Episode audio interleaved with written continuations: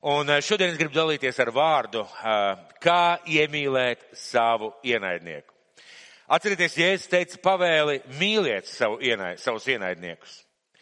Un es šodien gribu dalīties ar vārdu, kā iemīlēt savu ienaidnieku. Un eh, svarīgs ir uzsvers uz vārdiņu iemīlēt. Nevis kā mīlēt pa priekšu, bet kā iemīlēt savus ienaidniekus. Vēršoties uz sevi, kā iemīlēt manus ienaidniekus. Un mēs turpināsim šodien runāt par visgrūtāk izpildāmo Jēzus Kristus pavēli mīlēt savus ienaidniekus. Un viegli ir tā vispārīgi teikt. Mīli savus ienaidniekus. Es mīlu savus ienaidniekus. Mīlēsim savus ienaidniekus. Jēzus aicināja mīlēt savus ienaidniekus. Bet ko tas varētu nozīmēt man, eh, cilvēkam, kurš dzīvo šajā laikā, mīli savus ienaidniekus. Kā būtu, ja Jēzus jums naktī parādītos, vai svētais gars, vai eņģelis, vai, vai jūs dzirdētu balsi no debesīm, kas jums saka, mīli savus ienaidniekus. Tas būtu daudz savādāk, tas jau būtu personiski. Tas tiešām būtu personiski un tikai tad tā pa īstam parādītos, vai es spēju, vai es varu, vai es gribu, vai es vēlos, vai es esmu gatavs mīlēt savus ienaidniekus. Un iepriekšējos divos divkalpojumos mēs it kā vizualizējām Jēzus pavēles kā kalna smailes. Un es palūkšu parādīt šo te fotogrāfiju. Un mēs runājam par to, ka mēs vizualizējot varētu teikt tā, ka katra Jēzus pavēle vai bauslis ir kā kāds kalns, kā kāda kalna smaile, kurā būtu jāuzkāpj. Un mēs redzējām šo fotogrāfiju, un es palūkšu atnest šeit priekšā arī tāfeli. Lūdzu, atnesiet man tāfeli šeit priekšā, lai mēs kopā varētu vēlreiz iet. Un tas ir mans fantastiskais, brīnišķīgais dabas zīmējums. Es ceru, ka jūs novērtēsiet manu izglītību mākslas jomā. Tātad šie ir kalni. Šie ir kalni. Un ar lielu pārliecību gribētos teikt, ka tas nav gaiziņš. Nezinu, varbūt kādam tas tā varētu izskatīties. Un eh, šis tas zīmējums, ko, par kuru mēs arī pagājušajā reizē runājām. Un es vēlreiz gribētu varbūt izskaidrot. Tātad mēs, mēs uh, vizualizējam Jēzus uh, pavēles, jeb Jēzus baušļus un iztēlojamies kā katru bausli, jeb katru pavēli, tādu fundamentālo, kā kādu kalnu smaili.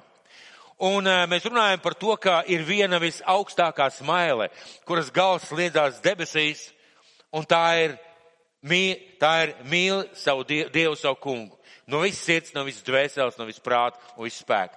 Šis smailis minēts debesīs, un mēs kāpsim šajā smailē visu savu mūžu, un mēs nekad nesasniegsim šo galu, jo, jo tā ir bez, bezgalīgs kāpiens, bet mums ir jācenšas, jākāpj, un mēs piedzīvojam patiesas svētības kāpjot šai kalnā. Bet otra zemākā virsotne, uzreiz aiz šīs smailes, mīl Dievu savu kungu, ir mīli savu ienaidnieku jeb savu tuvāko. Mīli savu tuvāko, es tā arī uzrakstīju, un tur ir divas lietas - brālis un ienaidnieks. Un varbūt es atkal nedaudz paskaidrošu, kāpēc uh, it kā uz viena kalna ir divas smailes - ienaidnieks un brālis. Jo Jēzus teica, mīli savu tuvāko. Un ļoti bieži tas, kas mums ir tuvu, ir tas cilvēks, kas mums ir ienaidnieks. Jēzus šajā vietā neteica par brāļiem, viņš teica kādā citā vietā mīliet savus brāļus. Tātad divas smailes. Brālis, kas ir mans uh, ticības biedrs, manā, mans tuvinieki, man radinieki un mans ienaidnieks. Un šīs smailes atrodas uz viena kalna un it kā divas galonas šim kalnam. Divas virsotnes brālis un ienaidnieks. Un mēs runājam par to, ka lai piepildītu Jēzus pavēli, iemīlētu vai mīlētu savu ienaidnieku, lai uzkāptu šajā kalnā, lai būtu tur augšā, lai, lai no turienes skatītos uz Dievu un uz cilvēkiem, lai piedzīvot šo brīnumu, kā mēs spējam mīlēt savus ienaidniekus. Vispirms ir jāizdara divas lietas. Par to mēs runājam iepriekšējos divkāpojumus. Vispirms. Vispirms ir jākāp nevis smailē iemīli savus ienaidniekus, bet vispirms ir jākāp šajā smailē mīli Dievu, to kungu no visas savas sirds. Un šis, šis, šis, un šis, šī smailē atspogulo Jēzus šo bausli no Marka evaņģēlīja 12. nodaļas 29. 31. pants. Un es gribētu jūs aicināt visus izlasīt. Tātad Marka evaņģēlijas 12. nodaļa no 29. līdz 31. pantam. Tā cilvēks pajautā Jēzum, Jēzu, kāds ir augstākais bauslis? Jeb kāda ir augstākā smaile? Jeb kāds ir augstākais kalns, kurā mums būtu jāuzkāp? Un Jēzus saka šim, šim cilvēkam tādus vārdus. Jēzus atbildēja, augstākais ir, klausies Izraēlu. Tas kungs mūsu dievs ir viens vienīgs kungs. Un tev būs to kungu savu dievu mīlēt no visas savas sirds no visas savas dvēseles, no visa savu prātu un no visa sava spēka. Augstākā smaile. Un blakus ir smaile, ko sauc par otro. Otrs ir šis otra smaile. Tev būs savu tuvāko mīlēt, kā sevi pašu. Tev būs savu tuvāko mīlēt, kā sevi pašu. Cita lielāka baušļa par šiem nav. Divas augstākās smailes. Un mēs arī lasījām, un iepriekšējā dievkalpojumā mēs daudz runājām par to, ka ir bezcerīgi iemīlēt ienaidnieku, ja mēs nemīlam Dievu. Ja mēs pietiekoši stipri neesam pieķērušies Dievam, ja mēs savu mierinājumu, savu identitāti, savu stiprumu neatrodam Dievā, ja mēs neesam uzkāpuši pietiekuši augstu šajā kalnā, mēs nespēsim iemīlēt ienaidnieku. Tāpēc pirmām kārtām ir jācenšas kāpt šajā smailē, mīli Dievu, to kungu no visa prāta, dvēseles, spēka un uh, sirds. Un otra lieta. Otra lieta, par ko mēs runājam pagājušajā dievkalpojumā, mums ir jāpiedzīvo Vēl kāda lieta. Mums ir jābūt tajā ielā starp šiem abiem diviem kalniem. Šī kalna pakājē iemīl savu tuvāko, ja iemīl savu ienaidnieku, šajā kalna pakājē, šajā vietā, ko sauc nestāvi pretīm. Sākās kāpiens kalnā no pašas apakšas. Mēs nevaram pēkšņi izrādīties kalnam pa vidu. Mēs nevaram šim bauslim uh, mīl savu ienaidnieku būt kaut kur jau pa vidu. Sākās kāpiens no apakšas. Un mēs pagājušajā reizē runājām par Mateja evaņģēliju. Mateja evaņģēlijā 5. nodaļā, 39. pants. Bet es jums saku, jums nebūs stāvēt pretīm ļaunumam. Bet kas tev sit labajā vaigā, tam pagriez arī otru. Un kas ar tevi grib tiesāties un ņemt tavus svārkus, tam atdod arī mētā. Un kas tev spiež iet vienu jūdzi, ar to pāri arī divas. Dodi tam, kas tev lūdz, neatsakies, ja kas no tevis grib aizņemties. Jums nebūs stāvēt pretī ļaunumam. Un šī ielai starp šiem abiem kalniem, pirms kāpt kalnā, iemīl savu ienaidnieku, saucās, tev ne, nebūs stāvēt pretīm ļaunumam.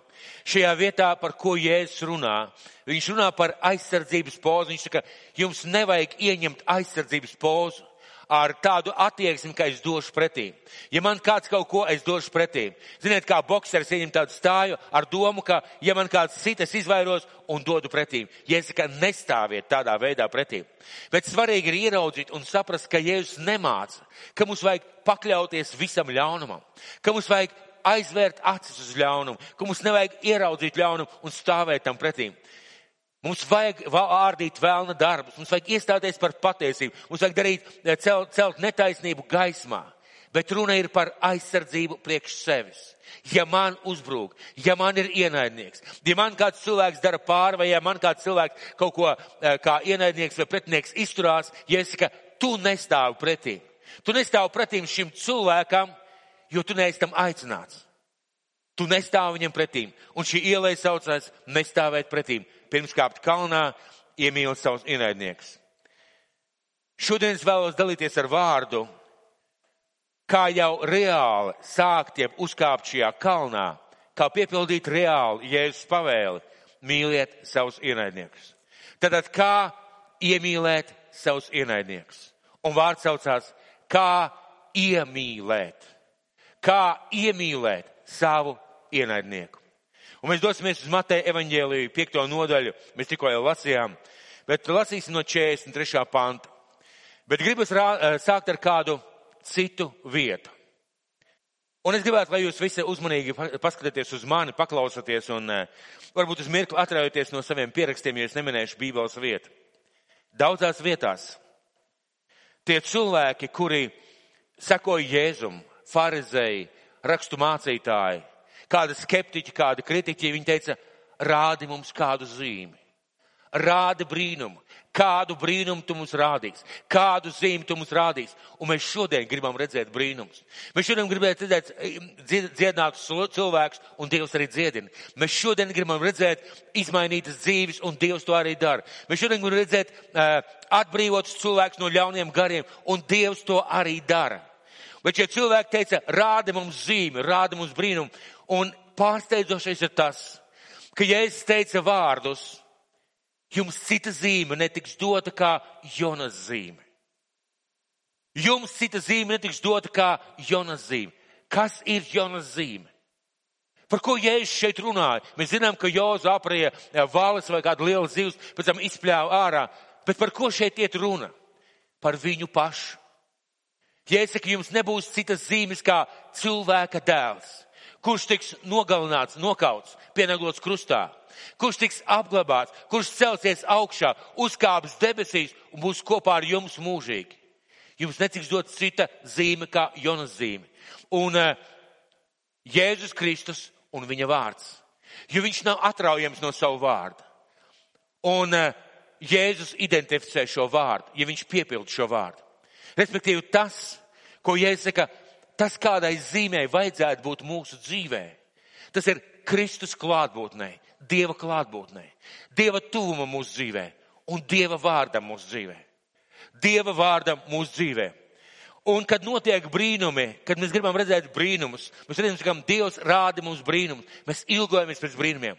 Bet sakiet, vai lielākais brīnums nav tas, ka tu spēj dzīvot savādāk nekā tu agrāk dzīvoji? Vai lielākais brīnums nav tas, ka tu spēj iemīlēt pat savu ienaidnieku? Vai lielākais brīnums nav tas, ka tu spēj skatīties uz cilvēkiem ar citādām mīlestības pilnām acīm? Ka tu spēj atdot savu dzīvi, savas vērtības, pat savus līdzekļus reizēm par citiem cilvēkiem? Ka tu spēj atdot savu laiku par citiem cilvēkiem? Vai tas nav lielākais brīnums, kas balstās uz Jēzus nopelnu un Dievu vārdu? Bet ziniet, kad notika brīnumi, Piemēram, paralizētā dziedināšana. Mēs zinām šo vietu, kur eh, šis paralizētais cilvēks tika ienests eh, šajā te, eh, ienests, nolaists caur jumtam Jēzum priekšā. Sakiet, kas priecājās visvairāk? Es domāju, ka draugi priecājās. Draugi priecājās, jo viņi bija uzkāpuši uz jumta, viņi bija noplēsuši jumtu, viņi bija nolaiduši jēzu turpat lejā, turpat priekšā jēzum, un viņi priecājās, ka viņu darbs ir atnesis augļus. Viņu draugs ir vesels, viņš pieceļās ar visu gultu augšā. Cilvēki visapkārt priecājās. Un es ticu, ka debes tēvs un ka Jēzus priecājās. Bet ziniet, kas priecājās vis, vis, vis, vis vairāk?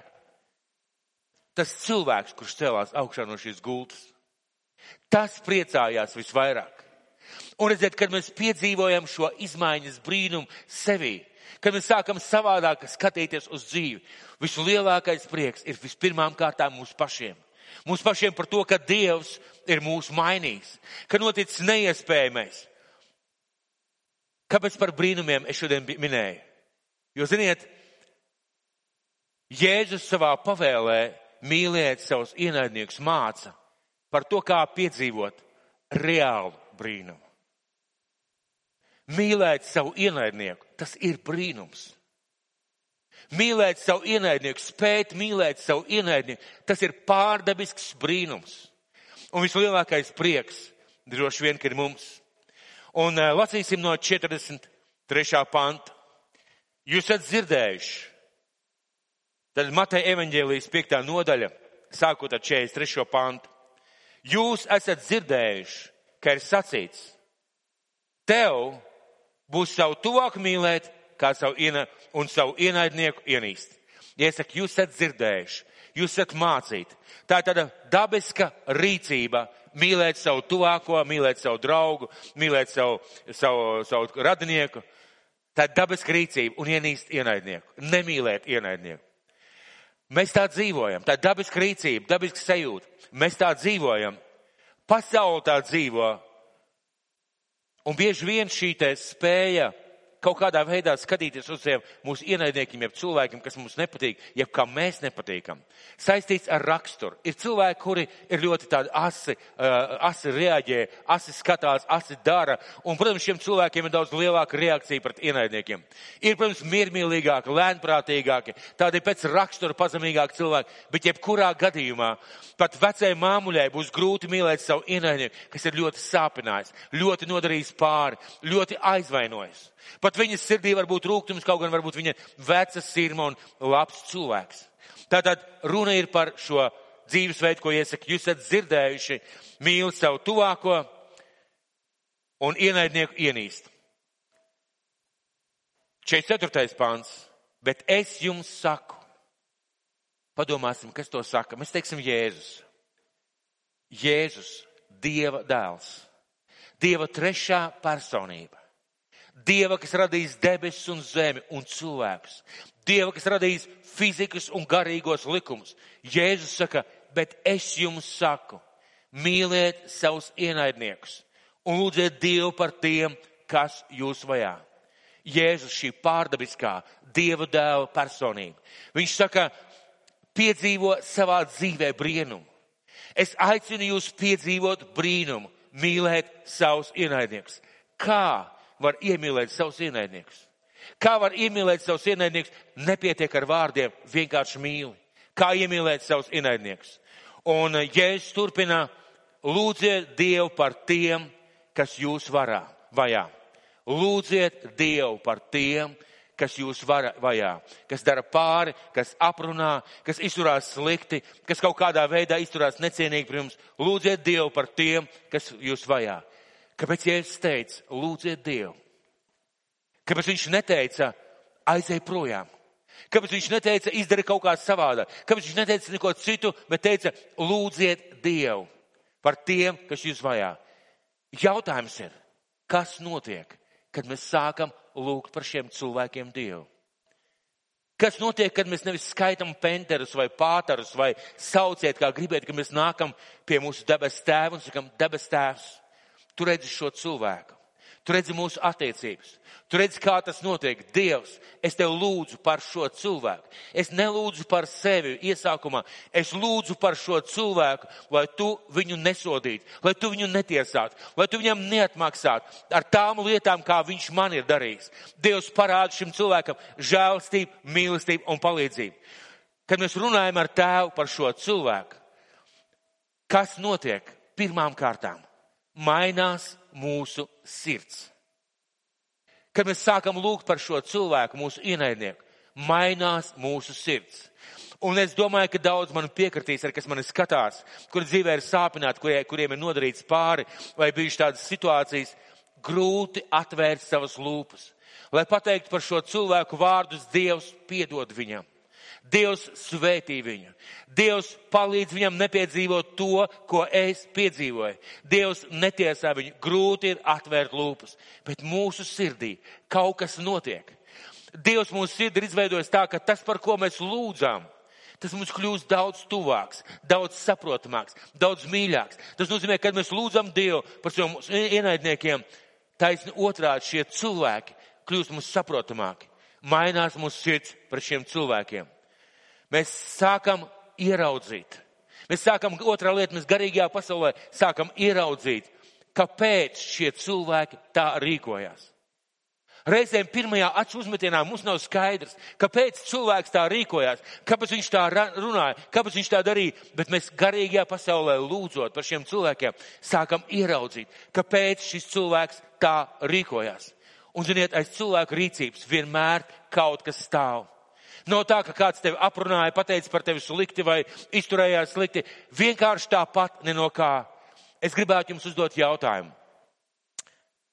Es gribētu uzdot jautājumu. Jūs braucat trans transportā, trolēbusā, esat ērti atsēdies pēdējā krēslā, sēžat trolēbusā, piemēram, pietiekuši daudz cilvēku.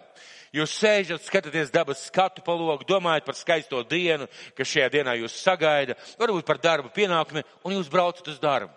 Trolēbus ir diezgan pilns un sanāk cilvēki, un jums priekšā nostājas kāds cilvēks, kas ar roku pieturās pie, pie šī te uh, turēšanās stieņa, un uh, trolēbus vai autobus bremzē, ir kaut kāda kustība, šis cilvēks iekrīt jums klēpī, uzkāpj uz kājas, ceļoties kājās, netīšām vēl ar alkoholu iebliež pa degunu, jūs esat sašutis.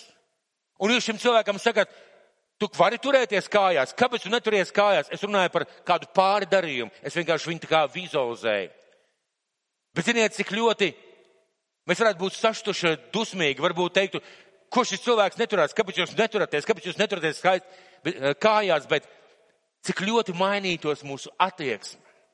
Cik ļoti mainītos mūsu attieksme, ja mēs ieraudzītu, ka tas cilvēks uzkāpa mums uz kājas, iekrita mums klēpī, varbūt ieblieza ar alkoholu pa degunu, ir akls.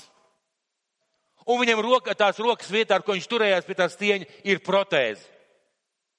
Tā vietā lai šo cilvēku lamātu vai tiesātu, mēs viņam piedāvātu apsēsties. Mēs viņam piedāvātu, kā es jums varu palīdzēt. Jo mēs ieraudzītu, kāpēc šis cilvēks iekrita mūsu klēpī, uzkāpa uz kājas un iebliedza ar alkoholu pa degunu. Un tieši tāpat, mīļie draugi, kad mēs sākam lūgt par cilvēkiem, Dieva svētais gars mums sāk atklāt, kāpēc šie cilvēki tā rīkojās. Un ziniet, kas ir interesanti? Ļoti bieži aiz šo cilvēku rīcības slēpjās nežēlīgi sāpīga bērnība. Varbūt briesmīga ģimenes dzīve. Varbūt kāda slimība, kas cilvēku ved postā. Varbūt kādi cilvēki, kas pret viņu izturās ļoti necienīgi un ļoti cietsirdīgi. Un mēs skatoties uz šo, lūdzot Dievu par šo cilvēku, mēs garīgajā pasaulē kļūstam spējīgi to ieraudzīt. Un viņa uzreiz mainās tas, kā mēs redzam šos cilvēkus. Es gribētu pastāstīt kādu stāstu. Kāds vīrs man stāstīja par savu darbu kolēģi. Un eh, šis cilvēks tāds miermīlīgs un labsirdīgs un labs cilvēks, tāds sabiedrisks cilvēks. Viņš stāstīja par savu kolēģi, kur, par kuru viņš teica, šis vīrs ir neciešams. Viņš pilnīgi ne no kā var nolamāties. Viņš var staigāt, kasīties, izteikt dzēlīgas piezīmes. Viņš var kaut kā slikti izturēties, eh, pasmieties, paņergāties par kādu cilvēku.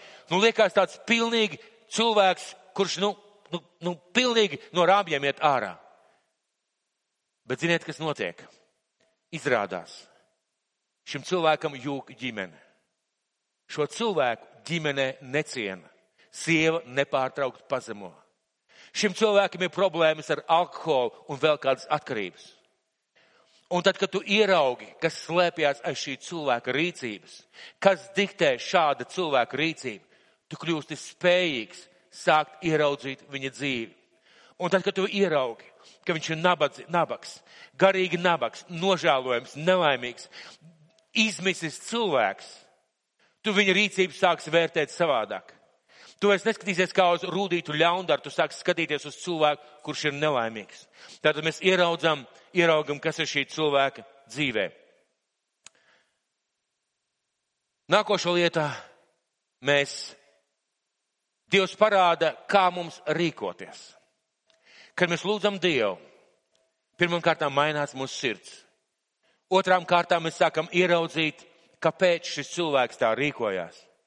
Trešām kārtām mēs sākam ieraudzīt un sāk saprast, kā mums darīt.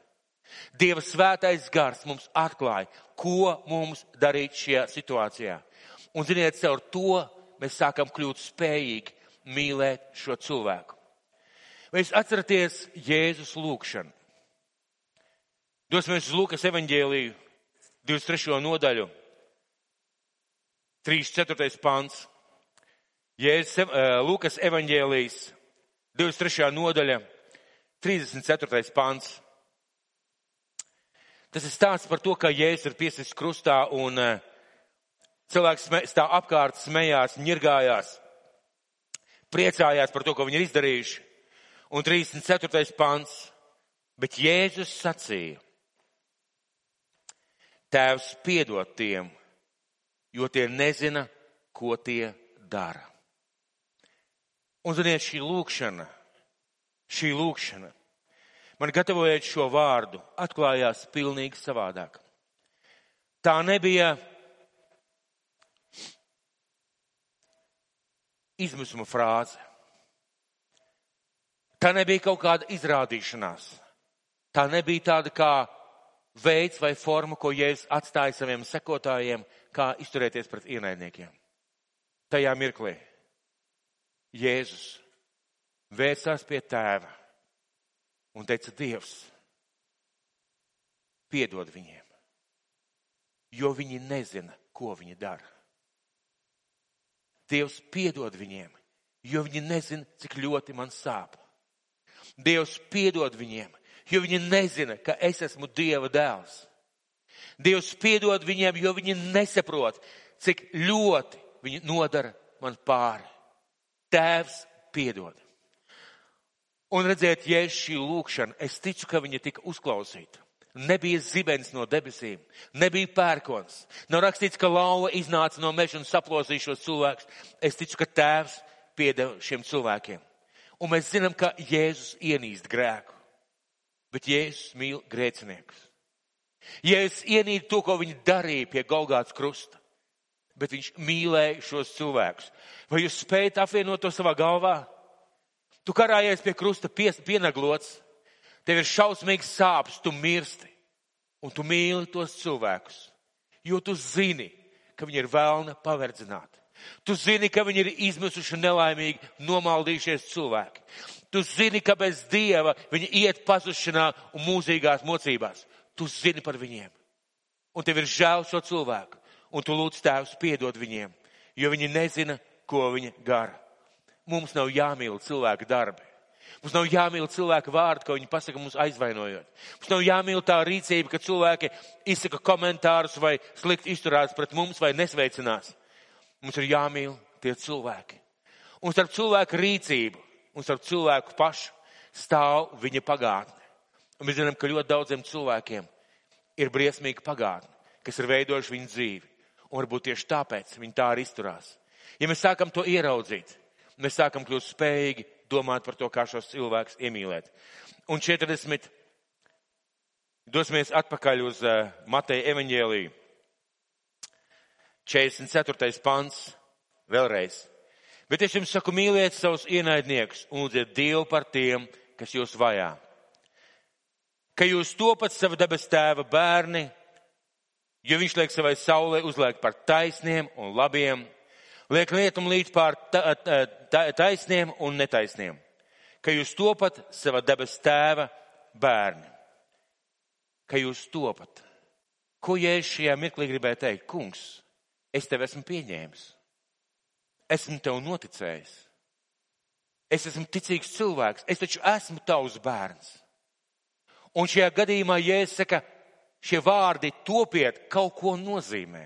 Ko nozīmē, ka jūs topat, ka jūs topat sava debesu tēva bērni?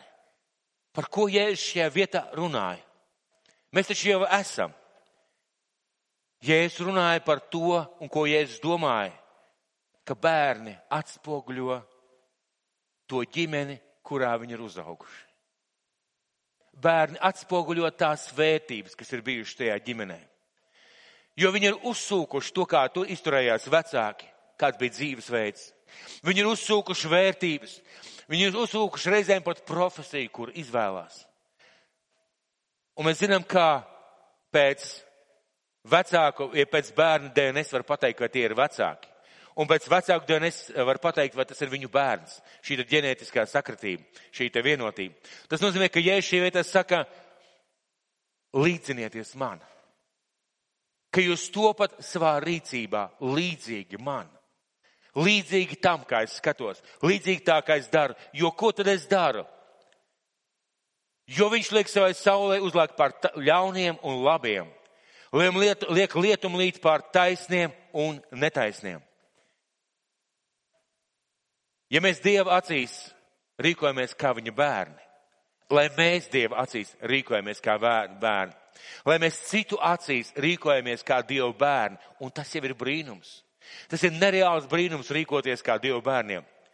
Un lai parādītu, ka tiešām Jēzus Kristus ir mūsu kungs. Kāpēc tā rīkoties? Kāpēc tā rīkoties kā tēva bērniem? Jo viņš liek lietumu līt pār ļauniem un pār netaisniem. Viņš liek saulē uzlākt par ļauniem un labiem, jo viņš liek lietumlīt par ļauniem cilvēkiem un labiem. Viņš liek saulē uzlēkt par labiem un ļauniem, un Dievs Viņš netaisa atšķirību, vai cilvēks ir labs vai ļauns. Jā, mums Dieva bērniem ir īpašs status. Jā, mums Dieva bērniem ir īpaša pozīcija. Mēs esam viņa bērni. Mūsu vārdi ir ierakstīti viņa rokās. Mums pieder mūžīgā dzīvība. Bet Dievs šeit uz zemes liek lietumu līdz pār labiem un pār ļauniem. Viņš parāda žēlastību, mīlestību, aizsardzību, palīdzību gan ļauniem, gan labiem. Viņš tā dara. Un tāpēc viņš saka, topiet kā jūsu debesu tēvs. Un jūs, ja jūsu debes tēvs tā skatās uz tiem cilvēkiem, jums arī tā jāskatās. Un pats galvenais, jūs to spējat. Jūs to spējat, jo dots svētais gars, jo dots Kristus. Dievs svētī visus cilvēkus. Ir cits jautājums, kā daudz cilvēku, kas ienīst Dievu. Vienkārši ienīst Dievu. Bet Dievs vienalga liek, liek, liek, liek lietu, lietu un liet par viņiem. Dievs vienalga saulē liek spīdēt par viņiem. Jo Dievs mīl šos cilvēkus. Dievs mīl šos cilvēkus. Un tālāk, ja es saku, ja jūs tos mīlat, kas jūs mīl, kāda alga jums nākas? Vai muitnieki nedara tāpat? Ja es saku, ja jūs mīlat tos, kas jūs mīl, kur ir brīnums?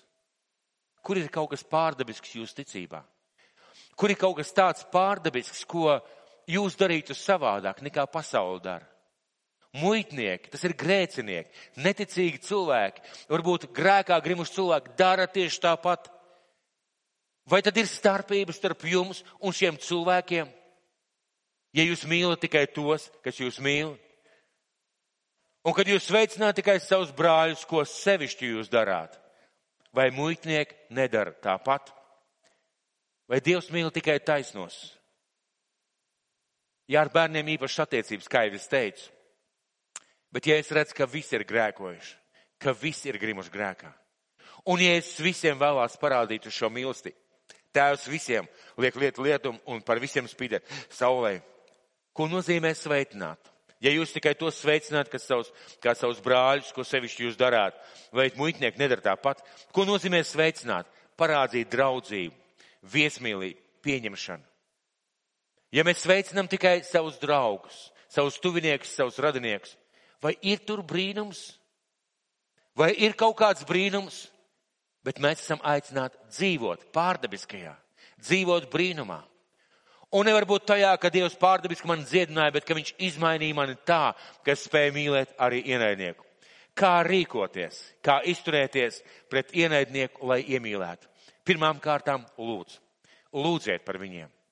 Lūdziet par viņiem, domājiet par to, kas ir viņu dzīvē, kāpēc viņi tā rīkojās. Centīsimies kļūt līdzīgi tavas tēvam, bet kā praktiski rīkoties mūsu dzīvē? Jā, skaistas prātas, lieliski pateicis, lieliski izskanēja, bet kā, kā praktiski rīkoties mūsu dzīvē? Un dosimies uz vēstuli romiešiem. Vēstuli romiešiem 12. nodaļa, 18. līdz 21. pants. Vēstuli romiešiem 12. nodaļa, no 18. līdz 21. pantam kā rīkoties pret savu ienaidnieku, lai iemīlētu. Pirmām kārtām rakstīts lūdziet. Domājiet, kā tēvs izturās pret cilvēkiem. Domājiet, ka tēvs sveicina vai mīl šos cilvēkus. Un nākošā lieta, kā izturēties, lai iemīlētu šos cilvēkus. Un tā ir vēstule romiešiem 12. nodaļa no 18. līdz 21. pantam. Ja iespējams, cik tas atkarājas no jums, Turiet mieru ar visiem cilvēkiem. Mēs no savas puses esam aicināti, cik tas ir iespējams, turēt mieru ar visiem cilvēkiem.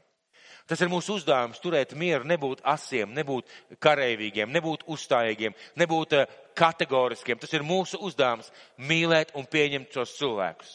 Cik tas ir iespējams no mūsu puses.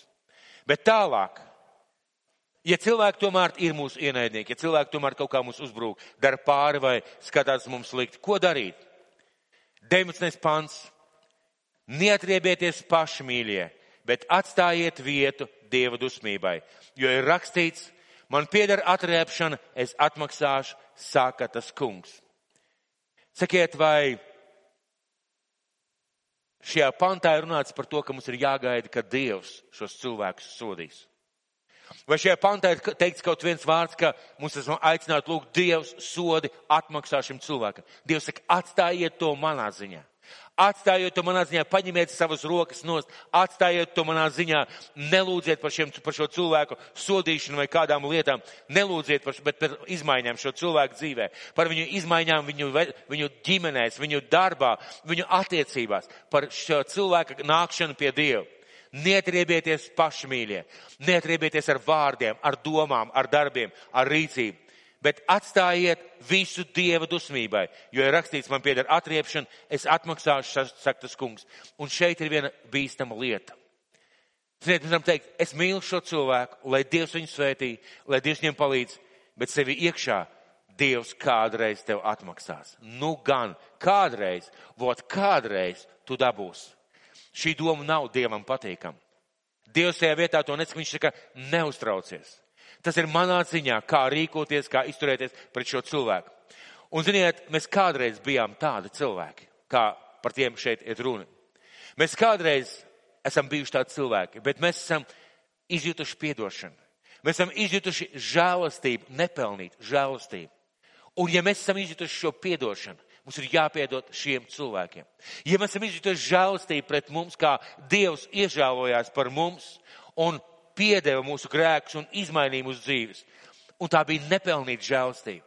Mums ir jāparāda un jālūdz pēc žēlastības šiem cilvēkiem. 20. pants. Bet, ja tavs ienaidnieks ir izsaucis, paēdini viņu. Ja tas cieši slāpes, dod viņam dzert. Tā darīdams tu uz viņa galvas sakrāsi kvēlojošas ogles. Ja mēs šim cilvēkam parādam labvēlību, ja viņš ir izsaucis, paēdini viņu. Ja tas ir šlāpes, dod viņam dzert. Tā darīdams to uz viņa galvas sakrās kvēlojušas ogles. Ko tas dod, jeb ko tas dara? Ja mēs sākam izrādīt šim cilvēkam, kurš izturās pret mums labvēlīgi, ja mēs sākam palīdzēt kaut kādā veidā, ja mēs kaut kādā veidā palīdzam viņu viņu vajadzībās, viņu grūtībās, viņu problēmās, tas palīdz pāraut ienaida ķēdi un ļoti iespējams novest pie samierināšanās. Ja kāds cilvēks jums ir darījis pāri vai darbā kaut kā ierievis vai kaut kā rīkojies nepareizi, jūs šim cilvēkam atmaksājat ļaunu ar labu. Un nevis vienreiz kā akciju, bet regulāri cenšaties to darīt. Visdrīzākais tas novedīs pie samierināšanās. Un šeit iet runa par oglēm. Es ticu un es zinu, ka daudz cilvēku saka un domā, ka šie vārdi Tā darīdams to uz viņa galvas sakrās kvēlojušas ogles. Kā tā rīkodamies, mēs sakrājam uz viņa galvas ogles, kas tagad viņu dedzina. Viņš tagad deg, viņš tagad nevar izturēt, viņam tagad ir grūti, viņš, viņš tagad cieš par to, ka viņš rīkojās. Es daru labi, un par to viņš tagad saņem sodu, cieš un mokās, un uh, viņš dabūs vēl vairāk. Es lūdzu, viņš dabūs vēl vairāk. Es daru viņam labu, viņš darīs vēl vairāk. Ko nozīmē sakrāt ogles? Ogles nozīmē, un kāpēc uz galvas? Kāpēc ne kabatās? Kāpēc ne uz rokām? Kāpēc ne uz kājām? Jo mūsu tāda rīcība sāk runāt uz cilvēka prātu, uz cilvēka sirdsapziņu, un viņā sāk iestāties īsavienojums. Es šim cilvēkam izdarīju sliktu, un viņš man izdarīja labu. Es šim cilvēkam pateicu rupjus vārdus vai, vai nolamāju, viņš mani svētīja. Es šim cilvēkam izdarīju kaut ko sliktu, un viņš man atnāca palīgā nomainīt mašīnai riepu. Es izdarīju viņam kaut ko sliktu, viņš man kaut ko piedāvāja, uzdāvināja vai atnesa. Un pamazām uz šī cilvēka galvā, domāšanā, viņa sirdsapziņā iestājās nemieris. Kaut kas nav kārtībā. Un nevis ar to cilvēku, bet ar mani. Kāpēc es nevaru tā darīt tā kā viņš? Kāpēc viņš spēja rīkoties savādāk? Kas viņā ir savādāks? Tāds, ka viņš spēja rīkoties pret mani tā. Jo, ja man atdarītu, es dotu pretī. Ja man pret mani tā izturētos, es dotu divkārt. Šis cilvēks dara savādāk. Kas viņā tāds ir? Un šīs ogles ir tās, kas dedzina cilvēka sirdsapziņu, kas runā uz cilvēka prātu, saprašanu, emocijām un domām. Mēs esam dzirdējuši daudz piemērus, kad cilvēki darījuši kādiem pāri, un šie kristieši, kuriem darīja pāri, regulāri un nepārtraukt atdarīja viņiem ar labu. Nepārmet, bet atdarīja ar labu. Un mēs esam dzirdējuši šos piemērus, ka šie cilvēki, šie ļaundari pēc tam atnāk un saka, es nespēju to izturēt. Es vienkārši nespēju to izturēt. Es pret tevi izturējos tik slikti, kāpēc tu pret mani izturies labi? Kas tevī tāds ir? Mums parādās šī brīnišķīgā iespēja liecināt par Kristu un pateikt, es tevi mīlu. Vienkārši es tevi mīlu. Es saprotu, tavā dzīvē ir grūtības. Es saprotu, un es varbūt nezinu, kāpēc tu tā rīkojies, bet droši vien tavā pagātnē ir lietas, kas tev liek tā darīt. Lietas, kas tev moka vai nomoka. Un, mīļie, tas, tas atnes to, ka cilvēkam izmainās domas un rīcība. Ja mēs atmaksājam cilvēkam ļaunu ar ļaunu, ļaunums kritīs uz mums abiem. Ja mēs atmaksājam cilvēkam ļaunu ar ļaunu, ļaunums kritīs uz mums abiem. Mēs abi cietīsim. Ne tikai tas cilvēks, cietīšu arī es. Cietīšu es un arī tas cilvēks.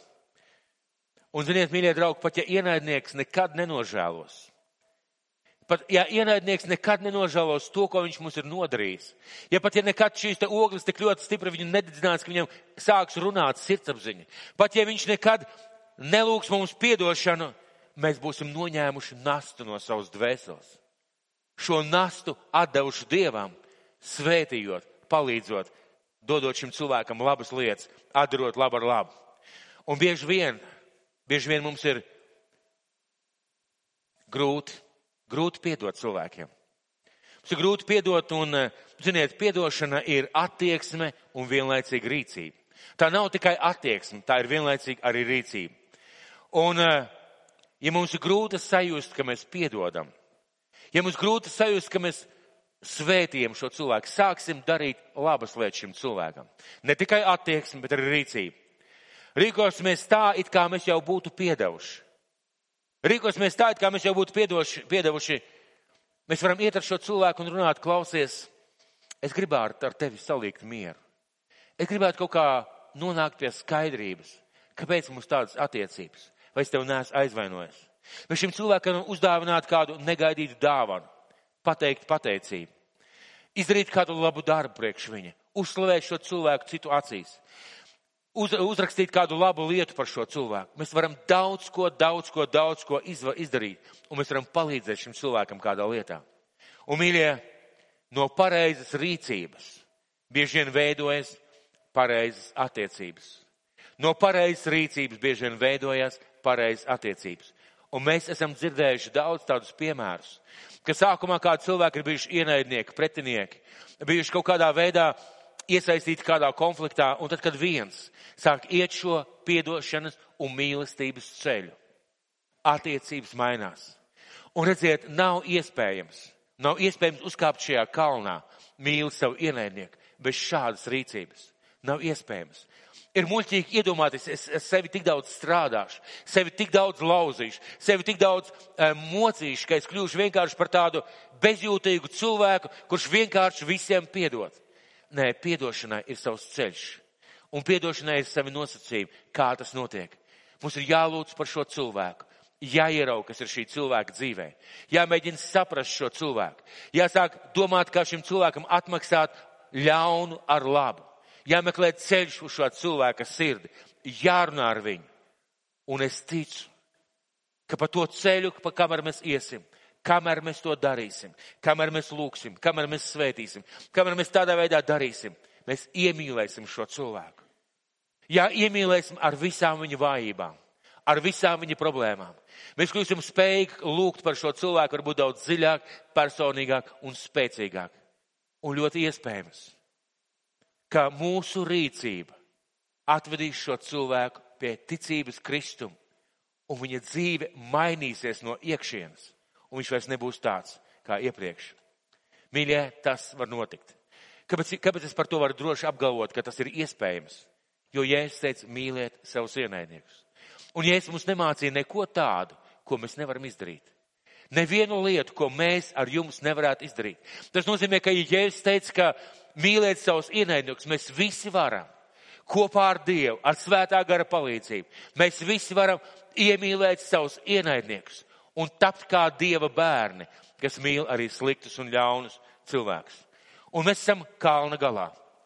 Mēs sākām šo ceļojumu šeit ielējā, kas saucās nestāvēt pretī. Mēs esam kalna galā un mēs esam nonākuši tajā punktā, ka mēs mīlam savus ienaidniekus. Mēs skatāmies pāri viņu nodarījumiem, pārdarījumiem. Mēs skatāmies šo cilvēku dzīvi, kāpēc viņš tāds ir. Mēs mīlam, svētījam un lūdzam par šo cilvēku. Bet blakus ir smaili, brālis. Ja mēs spēsim mīlēt savus ienaidniekus, mēs spēsim mīlēt arī savu brāli.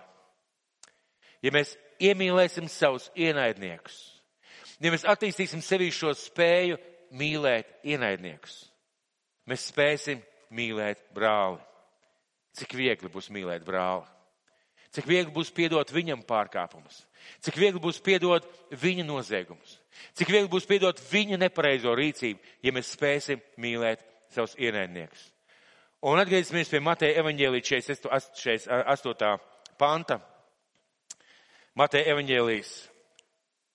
Turpināsim šo mūsu sarunu, bet sāksim varbūt no 44. panta. Bet es jums saku, mīliet savus ienaidniekus un lūdziet Dievu par tiem, kas jūs vajā.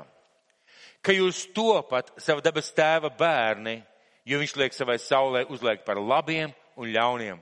Liem lietu, liek lietum līt pār taisniem un netaisniem. Jo, ja jūs tos mīlat, ko jūs mīlat, kāda alga jums nākas? Vai muitnieki nedara tāpat? Un kad jūs sveicināt tikai savus brāļus, ko sevišķi jūs darāt? Vai muitnieki nedara tāpat? Un 48. pāns. Tāpēc esiet pilnīgi, kā jūsu debes tēvs ir pilnīgs. Dievs mīl šos cilvēkus, kas bieži vien ir mūsu ienaidnieki. Mēs esam aicināti iemīlēt Dievu. Un Dievs mūs nav aicinājis uz absolūtu svētumu visās lietās. Mēs klupsim, mēs kritīsim, mēs kļūdīsimies. Bet debes tēvs šie, ja šie vietā runā, topiet pilnīgi tajā tieksmē, būt tādam kā tēvs. Topiet pilnīgi tajā sirds attieksmē, būt tādam kā tēvs. Domājiet par to, kā tēvs rīkojās, lai jūs varētu rīkoties tieši tāpat. Un ja mēs esam kalnā uzkāpuši, kas saucās mīl Dievu savu kungu, mēs spēsim iemīlēt arī savus ienaidniekus. Dievs mūs aicina uz šo pilnību. Un atgriezīsimies pie Marka evaņģēlija. Pie Marka evaņģēlija 12. nodaļas 29. līdz 31. pāns. Jēzus atbildēja, augstākais ir klausies Izraēlu. Tas kungs mūsu dievs ir viens vienīgs kungs. Un tev būs to kungu savu dievu mīlēt no visas sirds, no visas savas dvēseles no visu savu prātu un no visu savu spēku. Otrs ir šis. Tev būs savu tuvāko mīlēt kā sevi pašu. Cita lielāka baušļa par šiem nav. Un uzkāpjot šajā virsotnē, šeit, mīlot savu tuvāko un mīlot savu ienaidnieku, mēs esam uzvarētāji. Mēs piedzīvojam pārdabisku brīnumu. Mēs varam piedzīvot šo pārdabisko brīnumu. Un ļoti bieži vien, tad mums nemaz nevajadzēs brīnumu izdzen, atbrīvo, dziedini, izdari. Varbūt mums pietiks ar šo brīnumu. Bet ja mums pietiks ar šo brīnumu, ja mēs būsim šajā brīnumā, ļoti bieži notiek tieši tas, par ko mēs pat varbūt nelūdzam. Mēs saņemam dziedināšanu, mēs saņemam atbrīvošanu, mēs saņemam izlaušanos, mēs saņemam izmaiņas savā dzīvē. Lai debes tēvs mūs svētī. Un tas vienmēr ir personīgi. Vienmēr ir personīgi. Mūsu debes tēvs, mēs tev pateicamies, kungs, par tavu dēlu Jēzus Kristus vārdiem. Mēs tev pateicamies, Dievs, kā tu lietoji Kristu, lai tu atklātu mums savu plānu, savus nodomus, savas vērtības un savus mēķus. Kungs, un mēs tev pateicamies, ka Tu neapstājies kaut kur pa vidu, bet tu devi šo grūto pavēlu mīlēt savus ienaidniekus, lai mēs pirmām kārtām saprastu, ka tas ir iespējams, un otrām kārtām, lai mēs saprastu un meklētu šo ceļu, kā šos cilvēkus iemīlēt. Kungs, lai mēs gribētu būt tādi kā tu. Tēvs, lai mēs kļūtu tev līdzīgi savā attieksmē pret cilvēkiem, un ne tikai labiem, ne tikai jaukiem, ne tikai brīnišķīgiem, bet arī pret tādiem, kas mūs nesveicina, kas varbūt smējās par mums, varbūt mūs ienīst. Kungs, un paldies Tev, kad mums atklāja šo garīgo pasauli, ka Tu palīdzi mums ieraudzīt šo cilvēku dzīves no iekšpuses, un ka Tu mums palīdzi šos cilvēkus iemīlēt un atdarīt viņiem labu ar labu, nevis ļaunu ar ļaunu. Kungs svētī šos cilvēkus un svētī arī mūs. Jēzus vārdā. Un šajā mirklī tēvs mēs lūdzam par tiem cilvēkiem, kas katram no mums ir nodarījuši pāri. Tēvs, mēs nākam tavā priekšā, mēs lūdzam, kungs, piedod viņiem. Dabas tēvs piedod viņiem, jo viņi nezināja, ko viņi dara. Un mēs lūdzam, kungs, lai viņiem nesāp tā, kā mums sāpēja. Lai viņiem nav šo slikto sajūtu, kā mums bija. Lai viņiem nav nekad nav jāpārdzīvo tas, ko mēs pārdzīvojam. Tēvs, mēs viņiem piedodam. Mēs piedodam šiem cilvēkiem. Mēs atlaižam viņu parādus. Mēs atdodam viņus tev, mans mīļais kungs, un mēs tev lūdzam, Dievs, svētī šos cilvēkus ar izmaiņām. Vēd, kungs, pie sevis, Dievs. Palīdz, kungs, izmainīties viņu dzīvēm. Kungs, dara viņus laimīgus, dara viņus gaišus, dara viņus priecīgus, mīļais Dievs. Jo mēs zinām, Tēvs, ka katrā cilvēkā ir apslēpta iekšā šī vēlēšanās būt labam, būt mīlošam, būt brīnišķīgam, būt laipnam katrā cilvēkā. Bet kungs vēlns ir nolaupījis, apzadzis, aplaupījis cilvēks, un viņi rīkojas savādāk. Kungs, bet mēs gribam redzēt labo šajos cilvēkos. Mēs gribam redzēt šo gaismu šajos cilvēkos. Tēvs kaut vai pa atslēgas acis, bet mēs vēlamies redzēt un svētīt šos cilvēkus. Tēvs, to mēs tev lūdzam un svētiem viņus un lūdzam par viņiem. Jēzus vārdā. Amen.